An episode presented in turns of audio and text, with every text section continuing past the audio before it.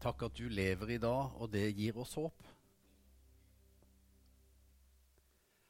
Og takk at du har sagt i ditt ord at der hvor to eller tre samles i ditt navn, der vil du være. Og nå ber vi, Herre, at eh, vi skal få erfare det, at du er blant oss. Amen. Fint å se dere alle sammen. Mitt navn er Stein Bjørkholt. Jeg er pastor i Ytre Andesund misjonskirke. Det er for øvrig sammen med Kristin Lie, som også er pastor. og Hun er inne nå og underviser på det som heter BT-kirka. Vi har gudstjenester her annenhver søndag. Og da er det sånn, da sier jeg at vi har gudstjenester. Uh, og det er fordi at når vi samles her, så har vi som regel iallfall to gudstjenester som går parallelt. Den ene for oss voksne, eller vi som ikke Nei, det blir tre gudstjenester, egentlig. For den ene for oss voksne som nå sitter her, og den uh, andre for flanellografgruppa, altså den du ikke var del av. Og så den tredje, som er BT-kirka, som uh, pågår inne i gymsalen. Og det er veldig bra, uh, opplever vi, å ha det brede tilbudet. Og det har vi fordi at det er mange uh, ulike mennesker i denne forsamlinga som uh, er med og bidrar, uh, og som gjør en innsats for å få til de gudstjenestene. Og ikke bare det, men òg annet barnearbeid, tweensarbeid sånn veka igjennom. smågrupper som vi har rundt forbi heimene og sånn, så er det mange ulike mennesker involvert i det. Vi starta som ei lita sånn, lita smågruppe i 2010. Da gikk eh, iallfall de av oss som var i den smågruppa, vi eh, hørte da til Randesund misjonskirke på Søm. Og eh, med menighetens velsignelse så fikk vi lov å gå i gang med et nytt arbeid, en plan om å stifte et fellesskap her ute. Og vi begynte så, så, smått med det i 2010. og Den lille gruppa vokste til å bli litt flere. og så Etter hvert så delte vi den i to, uh, den gruppa, og så ble det flere grupper. og Etter hvert følte vi at vi var så mange at nå kan vi prøve å ha våre egne gudstjenester. Så vi kalte det prøvegudstjenester. Eh, og begynte med det ca. en gang i måneden. Og så ble det litt flere og litt flere fram til sånn som det er nå i dag. Der eh, det er et fellesskap som med smått og stort teller mer eller mindre sånn rundt 300 mennesker. Eh, og det syns vi er veldig veldig spennende. Og det som er spennende, er jo at over halvparten av de 300 da, er jo barn. Eh, det er veldig veldig spennende. Eh, og Derfor, har, som Kjetil nevnte, så holder vi nå på å, å, å lyse ut en uh, stilling uh, som uh, ungdomspastor eller pastorer. og det er fordi at vi ser at her er det mange barn som er i ferd med å bli ungdom. Og vi bor i en bydel med masse ungdommer, og eh, det er viktig for oss tror vi, å være til stede på den arenaen og gjøre noe for den generasjonen. Så det er kjempespennende. Du som går i menigheten, husk på å være med og be for uh, akkurat det. Uh, for øyeblikket så holder vi på med en undervisningsserie i uh, gudstjenestene våre som er ut ifra Det gamle testamentet. Og det tenker noen at det er, er ikke det litt utdatert? Og noe av hensikten med å nettopp hente fram noen fortellinger og tekster fra Det gamle testamentet, det er for å nettopp forsøke å, å formidle at eh, nei, det er ikke så utdatert som vi kanskje umiddelbart vil tenke. Eh, vi tror som kristne på det som står om Jesus i Bibelen. Men vi tror òg at Bibelen ikke bare består av Det nye testamentet, men òg av det gamle. Og at det gamle faktisk har noe å fortelle oss. Og faktisk også slik at uh, Det nye testamentet det er på mange måter avhengig av det gamle. Det bygger på fortellingene og den uh, Guds frelseshistorie som vi kan uh, høre om og lese om i, i Det gamle testamentet. så Derfor så hadde vi lyst til å løfte fram noen sånne personer, skikkelser for, Det gamle testamentet og hva de opplevde med Gud, for å på et vis aktualisere den, den delen av Guds ord på eh, enda en gang, da. Um, forrige gudstjeneste så prekte Kristin om Abraham. I dag så skal jeg forsøke å si litt om Moses, eller iallfall ta utgangspunkt i noe av det Moses opplevde. Der er så mye om Moses i, i Det gamle testamentet at det blir litt voldsomt å dekke alt. Hvis du vil lese om han og hans historie, så kan du lese andre, tredje, fjerde og femte Mosebok, altså fire bøker i Bibelen. Eh, så da har du litt å holde på med for en stund. Og, og noen syns at eh, enkelte kapitler der det er nokså drøye, ikke minst i tredje Mosebok Alle som vel har prøvd å lese gjennom hele Bibelen sånn fra perm til perm, har jo opplevd at den store, første store prøvelsen den kommer der. Tredje Mosebok. Men eh, hvis du holder ut og får eh, pløyd gjennom, så, eh, så er det òg en veldig sånn rikdom i det å ha lest hele Bibelen. Og liksom se hele fortellinga under ett. Og Det er et av mine mål med, med denne talen i dag. Det er også å løfte fram eh, noe av nettopp viktigheten av Guds ord. Og det å eh, ta til oss av Guds ord, lytte til Guds ord og forholde oss til det. Jeg skal lese da kanskje den mest sentrale teksten i historien om Moses. Den som har stått fram gjennom årtusener eh, som eh, den store overleveringen fra Moses. Og Det står i 2. Mosebok kapittel 20 og vers 1 og utover. Der står det Gud talte alle disse ordene. Jeg er Herren din Gud, som førte deg ut av Egypt, ut av slavehuset. Du skal ikke ha andre guder enn meg. Du skal ikke lage deg gudebilder, ingen etterligning av noe som er oppe i himmelen eller nede på jorden eller i vannet under jorden. Du skal ikke tilbe dem og ikke la deg lokke til å dyrke dem. For jeg, Herren din Gud, er en nidkjær Gud som straffer barn i tredje og fjerde ledd for fedrenes synd når de hater meg, men viser trofast kjærlighet i tusen slektsledd mot dem som elsker meg og holder mine bud. Du skal ikke misbruke Herren din Guds navn, for Herren frikjenner ikke dem som misbruker Hans navn. Husk sabbatsdagen og hold den hellig. Seks dager skal du arbeide og gjøre all din gjerning, men den sjuende dagen er sabbat for Herren din Gud. Da skal du ikke gjøre noe arbeid, verken du eller din sønn eller din datter, verken slaven eller slavekvinnen din, verken buskapen din eller innflytteren som bor i byene dine. For på seks dager laget Herren himmelen og jorden, havet og alt som er i dem. Men den sjuende dagen hvilte han. Derfor velsignet Herren sabbatsdagen og helliget den. Du skal hedre din far og din mor, så du kan leve lenge i det landet Herren din Gud gir deg. Du skal ikke slå i hjel.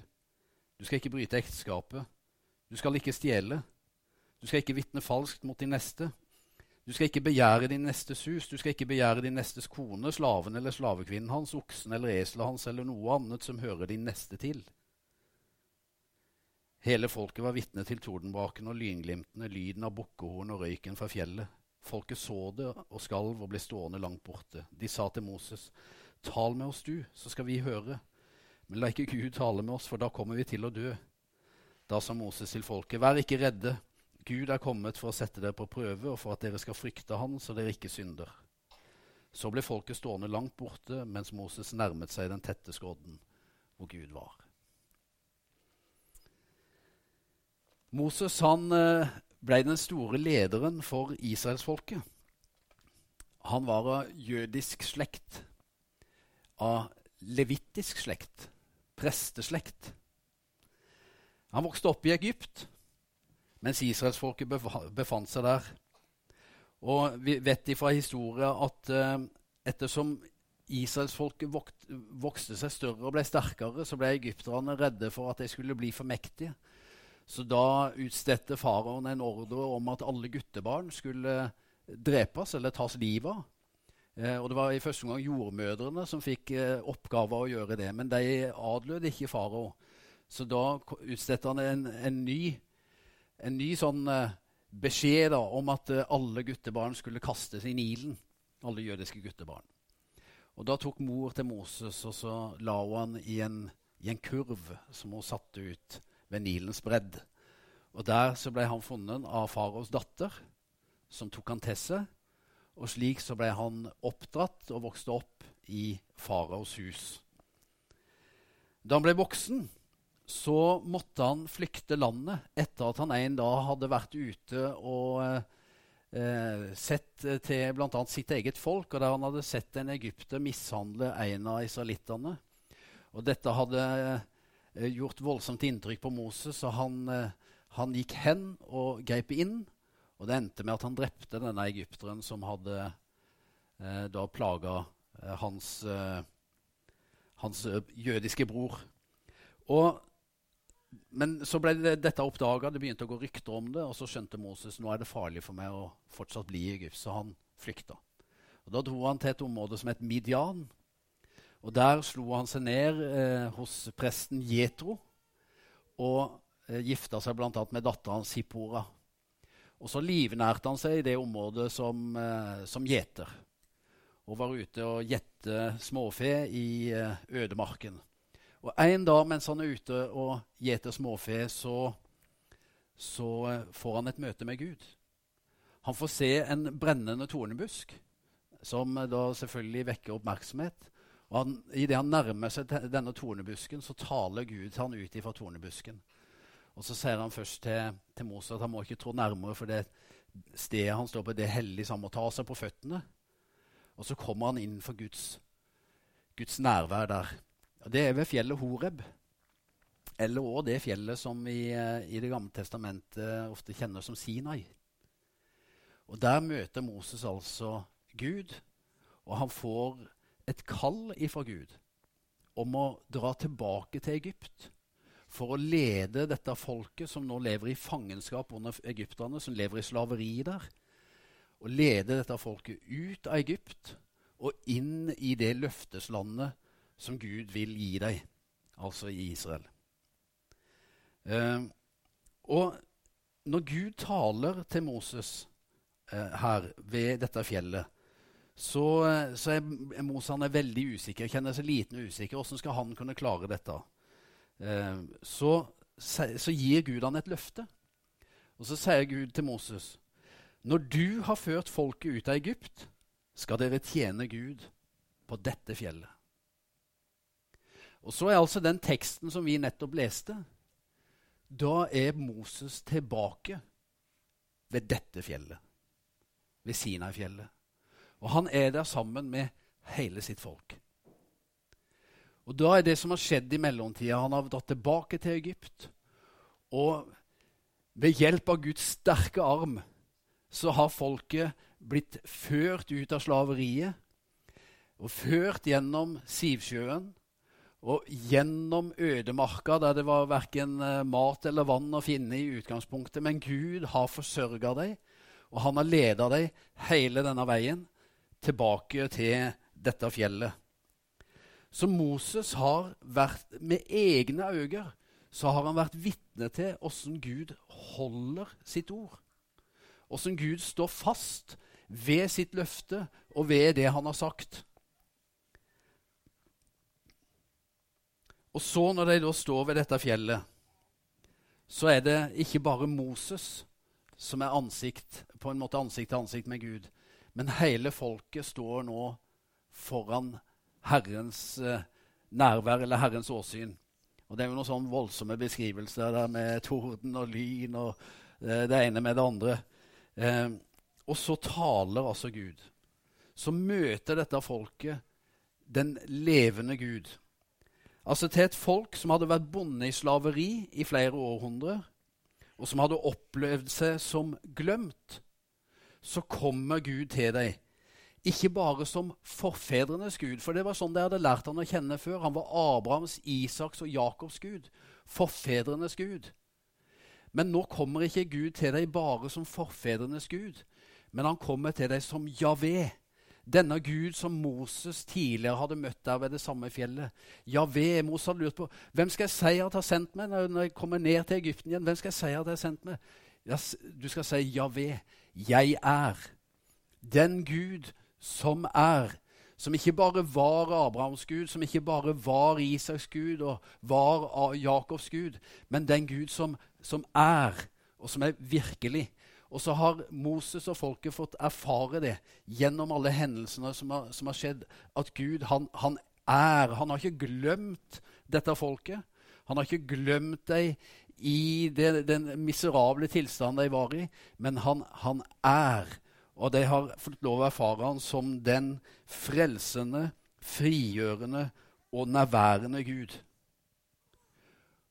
Og det er med det som bakgrunn at Gud så taler de orda til folket.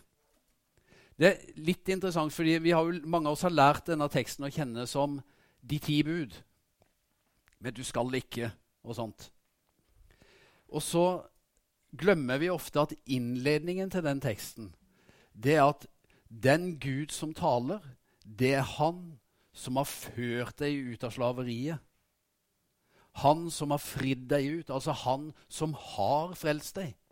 Mange har lest teksten som at dette er det du må gjøre for å bli en kristen. For, liksom. Men nei, det ligger noe foran her som allerede har skjedd. Gud har ført deg ut. Han har fridd deg fra fangenskapet. Men så nå så taler han til dette folket. Og det er fordi at de har blitt brakt ut i en ny virkelighet. En ny virkelighet som er brakt til veie av Gud sjøl, og en ny virkelighet der Gud er sentrum for den virkeligheten. Og nå taler han til deg fra dette fjellet, og det er for å vise åssen de best kan tilpasse seg den nye virkeligheten.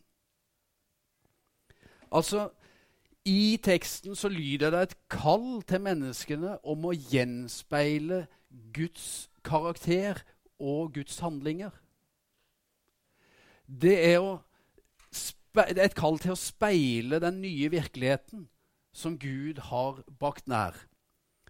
Friheten. Og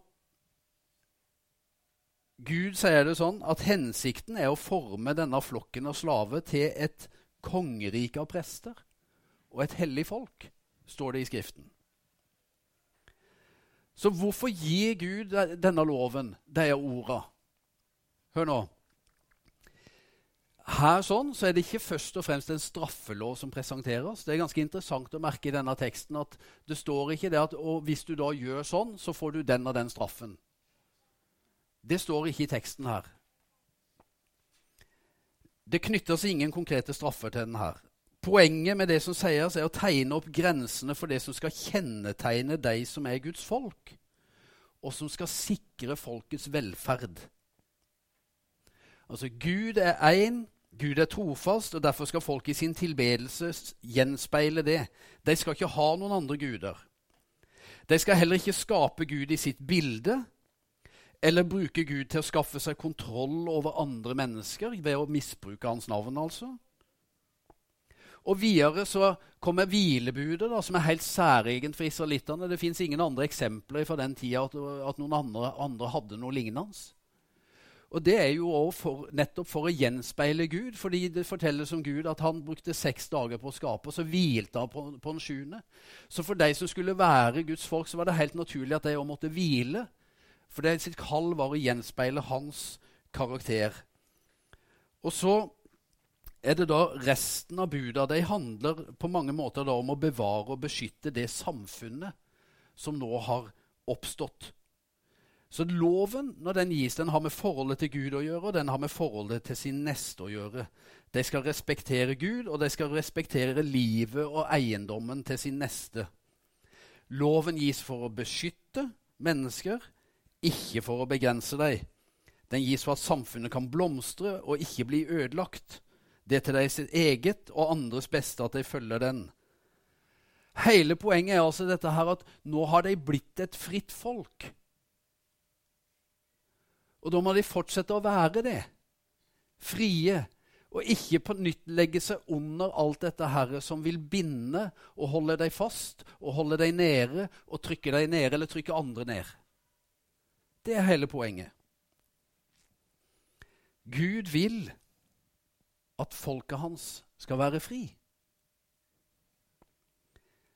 Det var Cicero det som en gang sa at vi er bundet av loven for at vi kan være frie. Og Det er egentlig noe av poenget her. Budene gis for at du ikke skal falle tilbake til slaveriet. Budene gis for at det ikke skal påføre sin neste plager. Men så tilbake til dette her med en, altså årsakene til at vi forkynner nå litt ut fra Det gamle testamentet og har litt sånn undervisning om dette. Og Det er fordi at når vi leser Skriften, så forstår vi at Guds åpenbaring til Moses og det som skjer med Moses og hele israelsfolket, det er ikke det endelige. For det er et forbilde på det som skal komme. Er, alt peker fram mot noe, noe annet mot den store frelse og frigjøring som kom med Jesus Kristus. Det er han som ifølge Nytestamentet setter mennesker fri for syndens slaveri. Han frelser oss.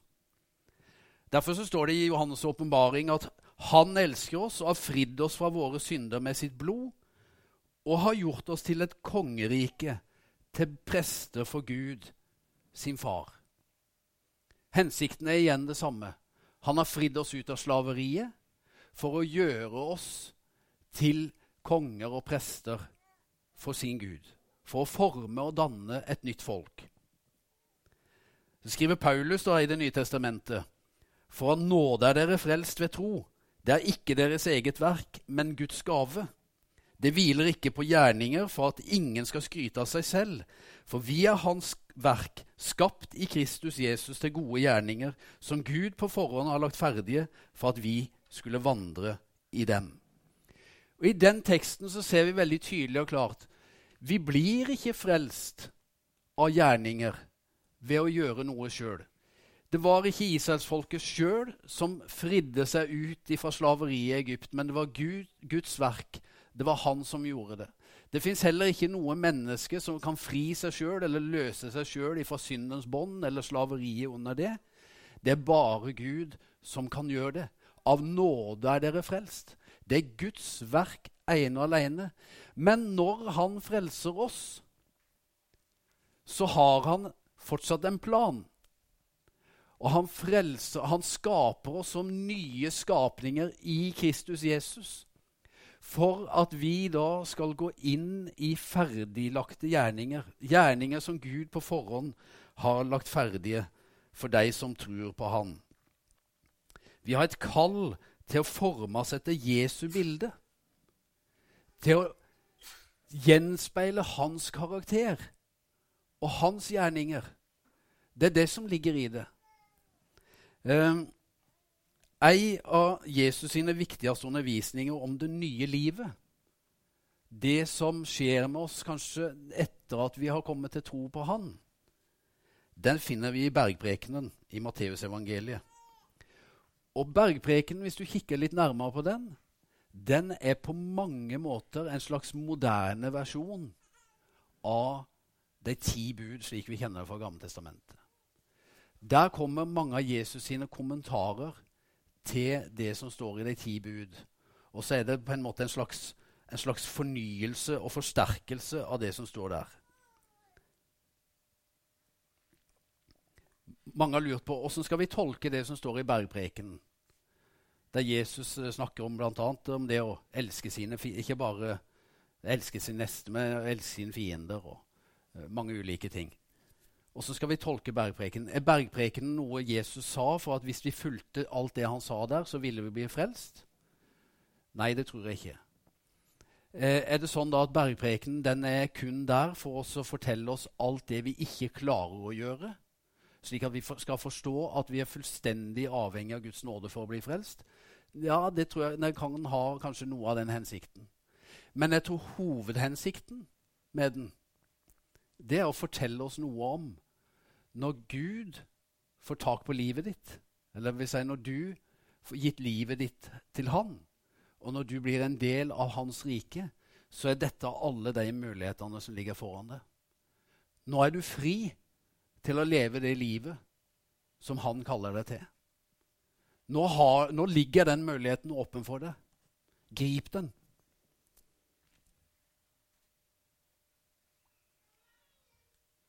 Instruksjoner om hvordan vi best kan leve både for oss sjøl og andre, så vi kan blomstre og ha det godt.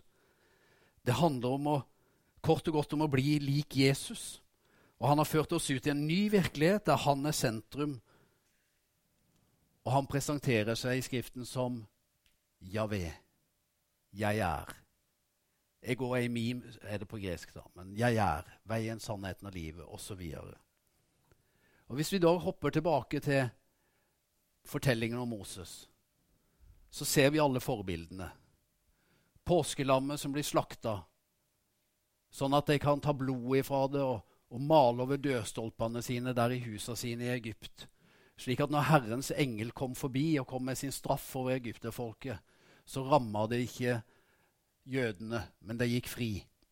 Og så var det liksom starten på utferden fra slaveriet. Og så går de ut, og så blir de eh, ført gjennom, eh, gjennom Sivsjøen, og de er ute i ørkenen. De blir metta med manna fra himmelen. Jesus han er brødet fra himmelen, sier han. De får vann ifra klippen. Jesus han er den som gir oss det levende vannet. De kommer til Sinai-fjellet, og Jesus han er den som nå legger sin lov ned i våre hjerter. De reiser et tabernakel for Gud. Og Jesus han er blitt dette tabernakelet, og han reiser sitt tabernakel nå i denne tida ved alle de som kommer til han, for det er vi som tror på han som er det nye tabernakelet eller det nye tempelet. Og Jesus han er løfteslandet som vi kalles til å komme og leve i og leve av. Alt du trenger for å leve et godt liv, det landet som flyter over av melk og honning, det er Jesus Kristus. For det er meg. Jeg er. Han er den nye virkeligheten. Og han er den nye virkeligheten som vi kalles til å, tilpasse våre liv til. Um, I gamle dager så var det slik at sannhet det var noe mennesker fikk overlevert eller åpenbart. Så kom moderniteten, moderne tider. Og med, all, med, vitenskapen og alt dette her så tenkte vi etter hvert at nei, sannhet det er noe vi oppdager, eller som vi leiter oss fram til ved hjelp av vår, fornuft. I våre dager har vi beveget oss enda videre og vi tenker at sannhet er det egentlig noe vi skaper. Vi bestemmer sjøl hva som er sant. En som heter Charles Taylor, han har skrevet ei svær tjukk bok, som jeg for øvrig nettopp fikk i posten. Jeg har tenkt å lese hele, men jeg har lest deler av den. Som heter A Secular Age, der han beskriver den sekulære tidsalderen, egentlig. Og han skriver om hvordan vi seinmoderne mennesker som han kaller det, holder fast ved mange lite gjennomtenkte overbevisninger eller livssannheter. Noen beskriver der livssannhetene egentlig som sånn ikke-tanker som preger oss. Altså eh, noen sånne slags selvfølgeligheter eller selvfølgelige ideer som ikke er synlige for de som holder dem. Skal prøve å forklare det litt. Eksempel på det, da det at vi sier noe sånt som at uh, du må bare være deg sjøl, og ikke bry deg om hva andre mener eller sier. Det er en tanke og en slags sannhet som mange senmoderne mennesker holder fast ved. Men kanskje uten helt å tenkt igjennom hva det faktisk betyr. Altså Valgfrihet er i vår tid en sånn absolutt god ting nærmest som en hellig menneskerettighet. Eller vi sier noe sånt som at uh, hvilken rett har du til å fortelle andre hva som er rett eller galt for deg? For det har du vel ikke rett til? Vi tenker at all autoritet er suspekt, og at ingen skulle ha rett til å fortelle noen andre hvordan de bør oppføre seg. Eller hvis jeg er fri til å gjøre hva jeg vil, så lenge jeg ikke skader noen andre. Med andre ord det fins ikke noe vi kan kalle personlig synd. For, for enhver må jo kunne få lov å leve som han vil. Så problemet da, med mange av de moralske idealene her, det er at de er ikke basert på noen sånne skal jeg kalle det universelle ideer eller absolutter. Men de oss av den enkelte sjøl. Og der ligger utfordringen. Charles Taylor han kaller dette for selvautorisert moral. Og han hevder at det hele er ganske absurd. Og så sier han da for å kunne ha et samfunn som er levelig, så må noen valg forhindres. En eller annen form for autoritet må respekteres, og det må forutsettes at på en eller annen måte så må en kunne bli stilt personlig til ansvar. Og Når vi tenker oss sånn, så tror jeg egentlig de fleste mennesker er enig i det. Men så sitter vi fast i mange sånne ikke-tanker som, liksom, som, som, preger oss. Men dette Taylors ære at for å kunne ha et samfunn som er levelig, så må noen valg forhindres. En eller annen form for autoritet må respekteres. og Det må forutsettes at på en eller annen måte så må den enkelte av oss kunne bli stilt til personlig ansvar. Det er altså en visdom som er iallfall minst 3500 år gammel. For det var dette Moses holdt fram for folket der ved Sinai. Og det var dette Jesus holdt fram når han sto der på dette berget og talte for et par tusen år siden. Altså Retningslinjer og buda i Jesu undervisning de er holdbare, og de er praktiske. Det er ikke bare en teori, men det er noe vi forstår at det er sannhet når vi lever etter dem.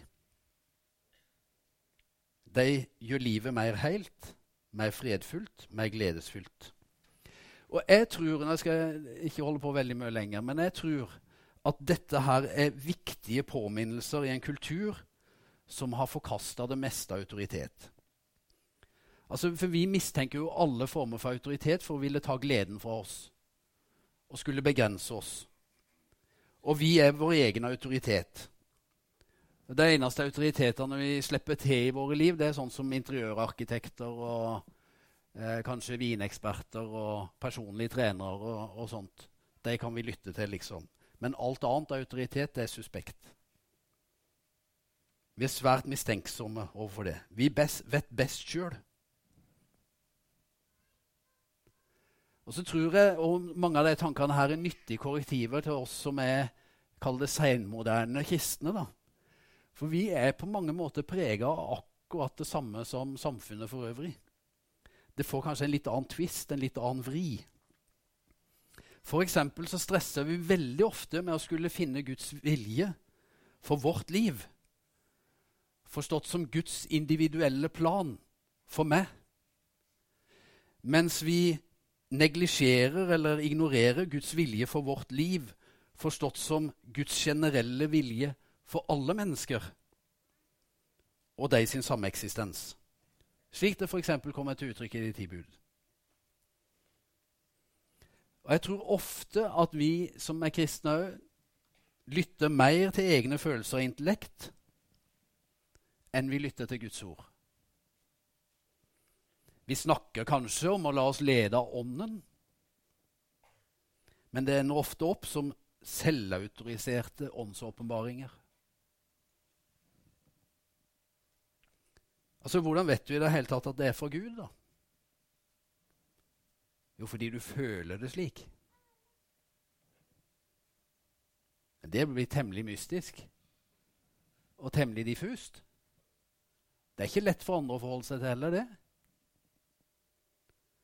Jeg tror, og der har jeg en sterk overbevisning i forhold til det Jeg tror at Gud leder sitt folk først og fremst gjennom sitt ord.